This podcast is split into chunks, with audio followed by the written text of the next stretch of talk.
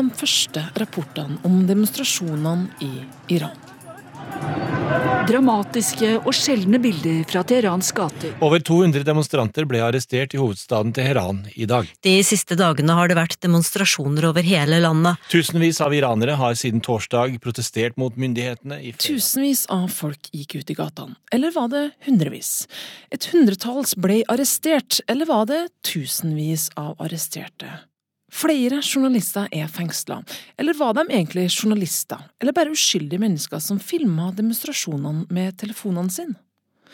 Det er ikke lett å holde penna rett i handa, eller tunga rett i munnen, når man skal skrive om et så lukka land som Iran, der pressefriheten har trange kår, og nåløyet til å få pressevisum er også nettopp det – trangt. Sist vi så lignende demonstrasjoner i Iran var tilbake i 2009, i forbindelse med det omstridte valget. Og etter det tok det ganske lang tid før utenlandsk presse fikk lov til å komme tilbake. Og da hadde vi hørt at eh, de ikke hadde sluppet inn norsk presse siden 2009. Da var det valg, det ble opptøyer. Utenlandske journalister hadde en dekning av det de så. Det var en kritisk eh, dekning av regimet og hvordan de behandla folket. Eh, Og det førte til at eh, de neste tre årene så slapp de ikke inn utenlandsk presse. Hei, Kristin. Hyggelig. Du hadde mye varmere hender enn meg. Beklager. Jeg møter reporter i TV 2-nyhetene, Kadafi Saman, i TV 2s splitter nye bygg i Bjørvika. Det er kode og porter og nøkkelkort for å komme seg inn og opp. Det skal tydeligvis ikke være lett for en stakkars kurerjournalist å komme seg inn i et mediehus nå om dagen. Men for Kadafi å komme inn i Iran som norsk journalist i 2012 viste seg å være enda vanskeligere. Og da hadde vi en del møter med ambassaden jevnlig. Det ble mye te, for å si det sånn. Drakk te, de ble litt kjent med oss. Vi fortalte hvordan norsk presse fungerte. At her er det ikke myndighetene som styrer, det er en fri presse. Vi har lyst til å lage saker som våre redaktører mener er viktig. Um, og etter ett år så fikk vi da pressevisum. Og så eh, merka vi hvordan liksom sikkerhetspersonell hele tida stoppa oss. Og da lagde vi en sak. Den skal du få se nå. Skal vi se.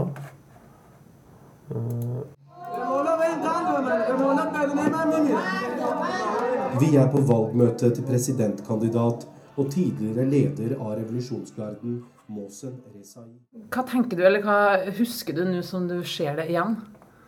Nei, det jeg husker var jo at eh, vi ble stoppa hele tida. Eh, Jeg var egentlig litt sånn imponert over hvor raskt de kom. Hvis vi dro fram kamera, gate, park Uansett så tok det et par minutter. Eh, Enten så kom det da uniformert politi, eller eh, sikkerhetspersonell i sivilt. Og høflig. eh, Og spurte Do you have your passport, ID, press card? Snakka engelsk. Og vi hadde jo med en sånn tolk og guide som eh, alle utenlandske journalister må ha i Iran. Som et lokalt nyhetsbyrå formidler. Og han tok jo av seg store deler av samtalen, fortalte hvorfor vi var der, hva vi drev med. Eh, Og det gikk jo greit hver gang. Det eneste som var irriterende, var at eh, det var tidkrevende. Eh, Og når du da er i et land for å dekke f.eks. valg eller andre ting, så skal du lage en sak til nyhetene, gjerne samme dag. Og du har deadline, du er stressa, du må intervjue folk, du må tilbake og redigere. Og så må du få overført saken til Norge. Alt dette tar jo tid. Så vi endte jo med eh, å bruke kanskje seks, sju, åtte, ni timer på en sak som ville ha tatt bare et par timer vanligvis. Så det gjorde jo eh, at vi var litt frustrert og irritert. Men, eh, og til slutt så husker jeg og spurte han tolken hva er det Hvorfor er de så paranoide? Hva er det de er redd for? Vi har jo fått pressevisum, og det har vi brukt ett år på. Og da husker jeg han sa at eh, når hele verden er imot deg, så må du passe på hver minste ting. Og det oppsummerte det egentlig ganske bra. De var livredde for eh, utenlandsk presse. Er det vi har sagt vi skal gjøre, det som vi egentlig skulle gjøre? Eller hadde vi en skjult agenda? Så det var jo veldig få medier som i det hele tatt slapp inn. I hvert fall i valget i 2013. Vi var de eneste norske. Og vi merka det var få amerikanske og få fra egentlig europeiske land. Og de som hadde kommet inn, der var det på en måte sånn spørsmål hele tiden. Men sjøl om Iran ikke er et lettvint land å drive med journalistikk i for utenlandske medier, følte alle samene seg redd eller spesielt bekymra på sine to jobbreiser der i 2012 og 2013. Det er kanskje det landet hvor jeg har følt meg tryggest i eh, Midtøsten. Vi var aldri urolig for eh, at noe skulle skje, f.eks. et terrorangrep eller et angrep fordi vi var fra et vestlig land osv. Det eneste som var veldig spesielt, er jo på en måte at man hele tiden vet at noen følger med. Eh, sikkert både på e-post og telefon, men også eh, sånn at noen fulgte etter oss. Det var en sånn feeling vi hadde hele tiden. Og det som var litt spesielt, er jo at i mange land så gjør man det jo litt i skjul. At du ikke viser at du følger etter f.eks. journalister. Mens eh, det vi så i Iran, var jo at det var litt åpenlyst. Biler som fulgte etter. I tillegg til at vi da hadde en guide-tolk i bilen som var godkjent av et lokalt nyhetsbyrå. Så det er jo en spesiell opplevelse. Men når man er klar over at det er rammene, så går det egentlig an å jobbe innafor. Og, og, vi lagde jo saker på det vi så. Også på at de stoppet oss hele tiden og fulgte etter oss. Og det er fordi det er jobben. Man lager det vi ser og opplever. Selv om det kanskje ikke falt i god jord hos uh, iranerne. Jobber du noen ting med denne saken nå, eller holder på med andre ting for øyeblikket? Nei, akkurat nå er det mye annet som skjer ja. i Norge. I det politiske Norge, for å si det sånn. Ja. Men du har fulgt med litt på situasjonen? Ja da. Følge med og, og, og, snakke med folk. Og det er klart at eh, det optimale hadde jo vært om vi hadde vært der sjøl. Og rapportert med våre norske øyne. Sett kritisk på det som skjer der. Og formidla det til eh, våre seere. Men når man da ikke får pressevisum så lett, så er ikke det bare, bare. Og så er det jo sikkert slik at uh, iranerne kanskje ikke vil at verden skal få se det som skjer akkurat nå. Og da har de makt til å stanse utenlandsk presse. Fordi Iran er ikke et land du reiser til med turistvisum. Det er jo mye lettere å få.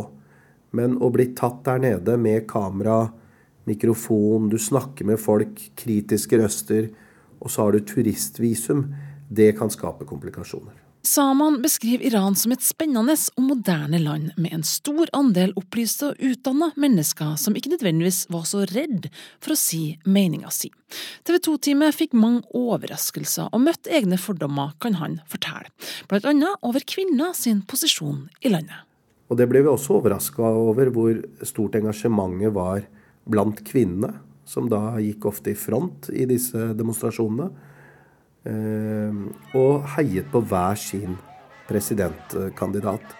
Mange har kanskje fått med seg bildet som har gått verden rundt. Ei enkel handling, men likevel så virkningsfullt. Ei ung kvinne som har tatt av seg hijaben sin og holder den opp på ei stang som sin stille protest.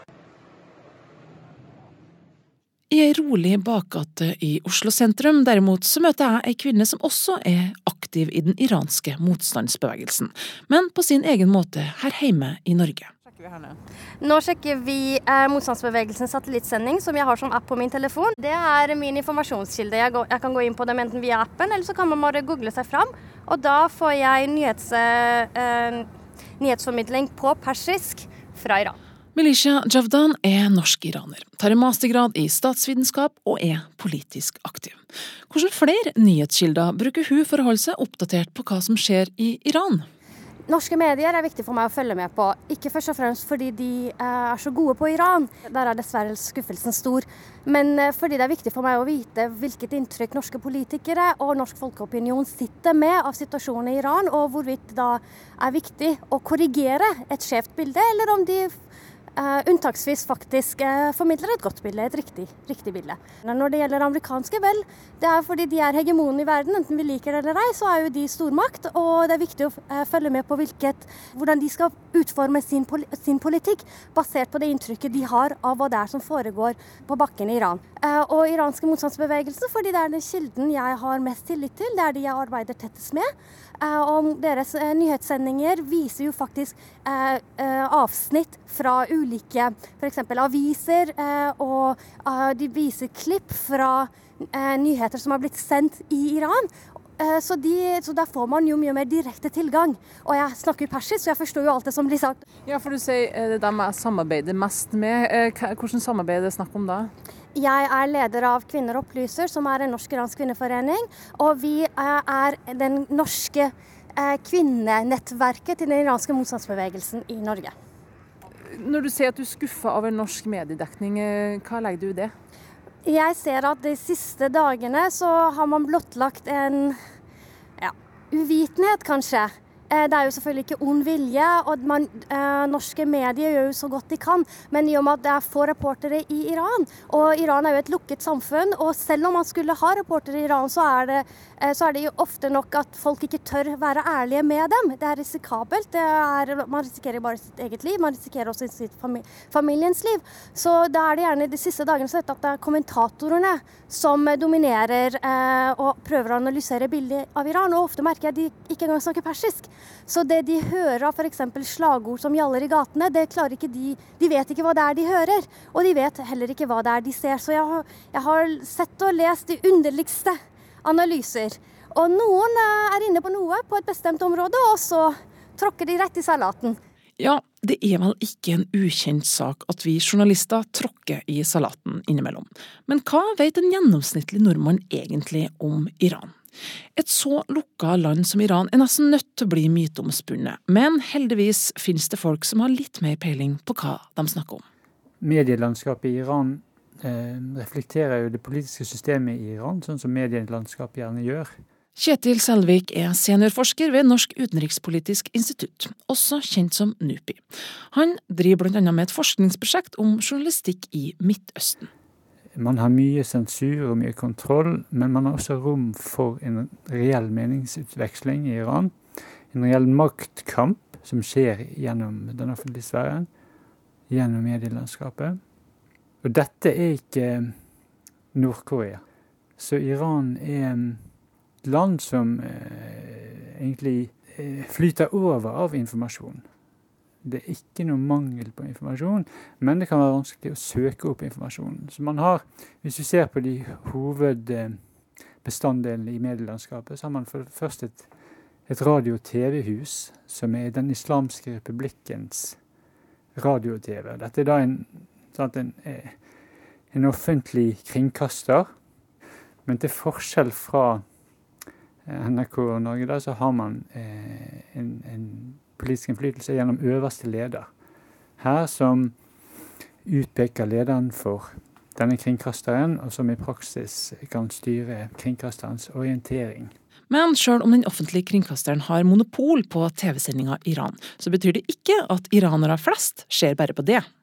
Man har hatt satellitt-TV som en viktig del av medielandskapet helt siden 1990-tallet, eh, som sender iranskspråklig fjernsyn til Iran og for iranere, og som da prøver helt bevisst å ha en helt annen, et helt annet budskap til den iranske befolkningen enn det de får i den statskontrollerte eller offentlige kringkastingen. Så har man avisene. Der finnes det, i eh, motsetning til radio og TV, private aviser. Så generelt, eh, tradisjonelt, så har det vært mye større frihet i eh, avisverden. Selv om der også så er det krevende å være journalist. Veldig, veldig mange aviser har blitt eh, stengt gjennom eh, årenes løp. Og dette har vært virkelig en eh, gjenstand for denne maktkampen og rivaliseringen internt i systemet. Hvilke eh, aviser som da kan publiseres, og hva de får lov å si, hvor går grensen, og alt dette. Kontrollen over de tradisjonelle mediene er én ting, men Iran har tatt og tar igjen nye grep for å kontrollere også informasjonsstrømmen som går via sosiale medier. Som autoritært regime så må man da oppdatere sine former for kontroll. Man kan ikke gjøre det ting på, på gamlemåten. Der du har følelsen av at regimet ofte løper etter teknologisk utvikling. Men veldig fort skjønner hva det går i, og veldig fort skjønner hva som er farlig, hva som ikke er farlig. Eh, tillater noe fordi at eh, det iranske folk krever at de har tilgang på informasjon. og de de er godt skolerte, de skjønner hva de går, de vet hva som er ekte informasjon. De vil ha det. Systemet vil også ha det, fordi at det har eh, De vil heller ikke bli som Nord-Korea, som jeg sa. Så de, de skjønner at man, man trenger informasjon for å gjøre framskritt som nasjon. Så det er ikke noen lett Eh, løsning selv for, for, et regime. Samtidig som dette er et regime som er, mener at det har en, eh, en misjon. Og da kan du ikke bare heller la det være helt fritt fram hva som sies i de ulike kanaler. Det, blir, det er et regime som er opptatt av at et visst budskap skal frem, og at visse budskap helt klart ikke kan få eh, stemme. Dette startet jo faktisk i 2009. Da, eh, da, var det Facebook og Twitter som spilte helt sentrale roller. Da var dette ganske nye teknologier. Etter 2009 så ble jo Facebook og, og Twitter stengt i Iran. Men man kan lage såkalte tunneler gjennom sånn VPN-teknologi, som gjør at man kan komme forbi disse filtrene som regimet legger ut. Men etter hvert som det kommer nye teknologier, blir det lettere for folk å komme til, for da er disse teknologiene ofte åpent tilgjengelig i en periode. Og regimet har ikke sett behovet av å stenge de, eller ikke kommet så langt ennå. Og Det var det som var tilfellet nå med denne appen Telegram, som fikk en veldig stor eh, betydning nå i, i opptøyene i, år. Man kan også opprette grupper der man diskuterer ulike ting, og man kan også på Telegram operere anonymt, sånn at det senker litt barrieren for hva man kan si og være med på. Og, og disse gruppene da får enten følge med på en kjent analytiker eh, som er kjent for å gi god analyse, for kjent for å gi eh, sunn og pålitelig informasjon. Så kan man samholde det med informasjon fra en rekke kanaler på en og samme tid. Så da blir hver og en person, da, hvis de er koblet på flere sånne kanaler, litt i stand til å holde informasjonen opp mot hverandre og si hva kan vi tro på her, hva kan vi ikke tro på her. Men det er selvfølgelig også veldig sårbart for eh, rykter likevel, og feil desinformasjon. Det gir også store muligheter for eh, autoritære regimer å manipulere informasjonstilgangen disse, for du vet jo aldri hvordan informasjonen kommer fra. Jeg har lest alt fra 250 fengsler til 17 000 fengsler. Altså, det kommer forskjellige tall fra forskjellige kilder. Hvordan kan vi vite om det er tall som stemmer, eller, eh, eller, som pressen kan bruke i sin videreformidling av det som skjer i Iran? Man må være ærlig på at eh, man ikke vet, og at man ikke kan eh, vite. Og man må ta mye med en klype salt. I en iransk kontekst så er man kanskje først og fremst de må stille vår lit til, er jo den iranske offentligheten selv. For det er en kritisk og en opplyst offentlighet Sånn at hvis ting sies som eh, er bare helt urimelig, så blir dette fort skutt ned av den iranske offentligheten. Så det er en, det er en offentlighet som også er, som er den viktigste kontrollen man har på det det iranske regimet sier. Så jeg vil da ofte da prøve å si, se ja, hva, hva sier uh, ulike iranske kilder om dette. Mm. Så, så, jeg tror de stort sett uh, er mye bedre egnet enn oss til å bedømme hva som er hva. De som befinner seg da i, i, eh, på gaten der demonstrasjonen har funnet sted. Og det man ofte ser gjennom de nye sosiale medier, at man får da alternative rapporter om hva som har skjedd i, i spesielle hendelser. Tilbake i TV 2-bygget sitter Saman og prøver å finne fil til meg i det nye systemet. Men hvordan opplevde han sjøl å prøve å finne pålitelige tall og kilder i et land der myndighetene har så mye kontroll over informasjonen? Det er en utfordring, fordi mange av kildene som på en måte fòrer vestlige medier, er jo eksiliranere. Opposisjonsgrupper som er basert i Vesten, og som har sine kontakter i Iran. Så det blir jo ikke førstehåndskilder. Og det er en utfordring å både kvalitetssikre og dobbeltsjekke den informasjonen de kommer med. De videoene de kommer med, de opplysningene, påstandene. Og i hvert fall hvis det er mennesker da som har et uh, ordentlig hatforhold til uh, iranske myndigheter. Jeg merker jo det at de, uh, det er ikke alltid lett å dobbeltsjekke den informasjonen. Akkurat som vi ikke skal stole på alt det iranske myndigheter sier, så skal man heller ikke stole blindt på alt det eksiliranere og opposisjonelle i Vesten sier.